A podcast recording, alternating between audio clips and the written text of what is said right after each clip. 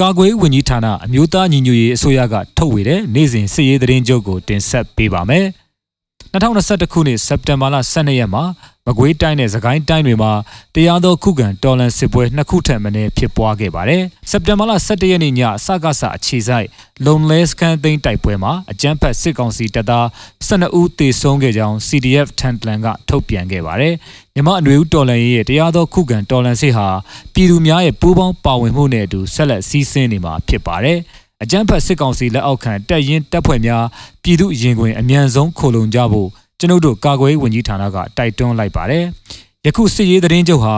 မြေပြင်သတင်းတာဝန်ခံများနဲ့သတင်းဌာနများကဖော်ပြလာတဲ့အချက်အလက်များပေါ်အခြေခံပြီးပြုစုထားခြင်းဖြစ်ပါတယ်။စစ်ကောင်စီနဲ့တိုက်ပွဲဖြစ်ပွားမှုသတင်းအနေနဲ့ကတော့ချင်းပြည်နယ်မှာစက်တင်ဘာလ17ရက်နေ့ညမှာထန်တလန်မြို့နယ်အတွင်းမှာရှိတဲ့စကားစအခြေဆိုင်လုံလဲတက်စခန်းကို CNA CDF ထန်တလန်က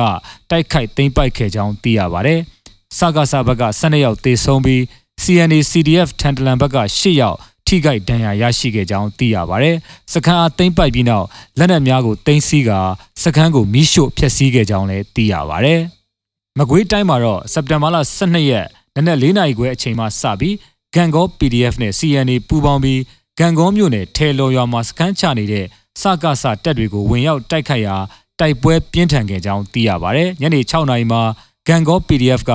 ဂန်ကောကလေးလမ်းမိုင်းကိုဖျက်ဆီးသွားလာခြင်းမပြုဖို့မိဘပြည်သူများအားအထူးသတိပေးချက်ထုတ်ပြန်ထားပါတယ်။စကိုင်းတိုင်းမှာတော့စက်တင်ဘာလ17ရက်နေ့ည10:00နာရီခန့်မှာကနီ PDF 1နဲ့မြန်မာ Defense Force ပူးပေါင်းတပ်တို့ စကိုင်းတိုင်းကဏီမြို့နယ်ဝေမနာနယ်မြေရဲစခန်းကိုစီးနှင်းက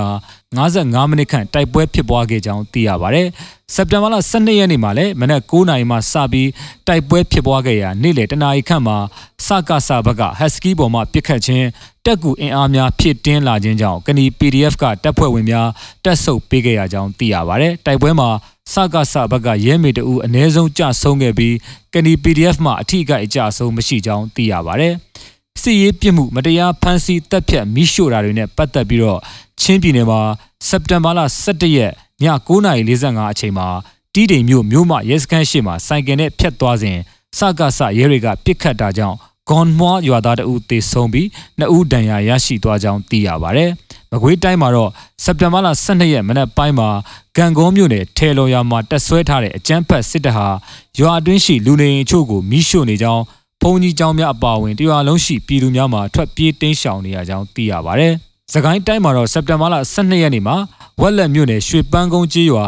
ရွာသားကြီးကျေးရွာနဲ့ရွာသားကြီးတမယိုလမ်းအနီးအနားဝန်းကျင်ဝက်လက်အနောက်ချမ်းမှာရှိတဲ့ကျေးရွာများမှာစကားစတက်တွေဟာလမ်းတွေ့တဲ့လူငယ်များရဲ့ဖုန်းတွေကိုစစ်ဆေးခြင်းဈေးဆိုင်များမှာရှိတဲ့ပစ္စည်းများအားတနက်ဖြန်ချင်းချောက်ခါလူယူခြင်းအပြစ်မဲ့ပြည်သူများအားဖမ်းဆီးကာ ပိုက်ဆံဖြင့်မိသားစုဝင်များအားလာရောက်ရွေးခိုင်းခြင်းနေအိမ်မှာရှိတဲ့ပြည်သူများရဲ့ကားများနဲ့ဆိုင်ကယ်တွေကိုလက်နက်အားကိုဖြင့်ချင်းချောက်ခါလူယူခြင်းရွာသူရွာသားများအားကြောက်လန့်စေရန်အကြောင်းမဲ့တနက်ပစ်ပေါက်ခြင်းများမကြာခဏပြုလုပ်ခဲ့ကြောင်းသိရပါဗျ။မန္တလေးတိုင်းမှာတော့စက်တင်ဘာလ12ရက်မနက်တနာရီနဲ့4နာရီကြားအချိန်မှာ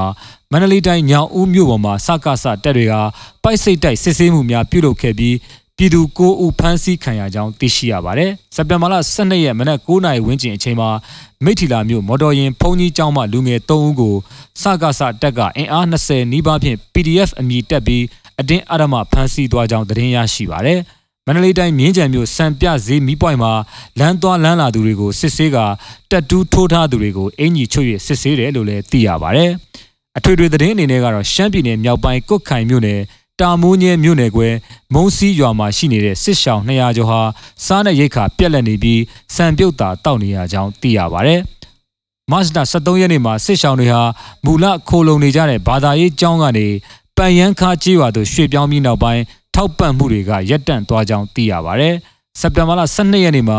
ဂန်ကောနဲ့ကလေးမြို့ကြားမှာတိုက်ပွဲဖြစ်ပွားနေတာကြောင့်ကားနဲ့ခရီးသည်များစွာပိတ်မိနေပြီး အနီးနားရှိရွာများမှာခီးသည်တွေကိုကျွေးမွေးထားကြောင်းသိရပါတယ်။လက်ခံကျွေးမွေးထားတဲ့ကြေးရွာများကိုစစ်ကောင်စီကဝင်ရောက်ဖမ်းဆီးနှိပ်စက်မှာကိုလည်းစိုးရိမ်နေကြောင်းဒေတာကန်တွေထံမှသိရပါတယ်။တောင်ကြီးမြို့မှာညနေ6နာရီကျော်အပြင်ထွက်သူများလူငယ်များကိုစစ်ကောင်စီကအစစ်အဆေးနဲ့တိုးရင်တခါတည်းဖမ်းမယ်လို့သိရပါဗျ။ရှမ်းပြည်နယ်မြောက်ပိုင်းကြောင်မဲမြို့နယ်မှာစီပင်တာယာရေးဌာနကပစ္စည်းကွန်များကိုစက်တင်ဘာလ15ရက်နေ့မတိုင်မီပေးဆောင်ခြင်းမပြုပါကတရားစွဲမယ်လို့စာထုတ်ထားကြောင်းသိရပါတယ်ခင်ဗျာ။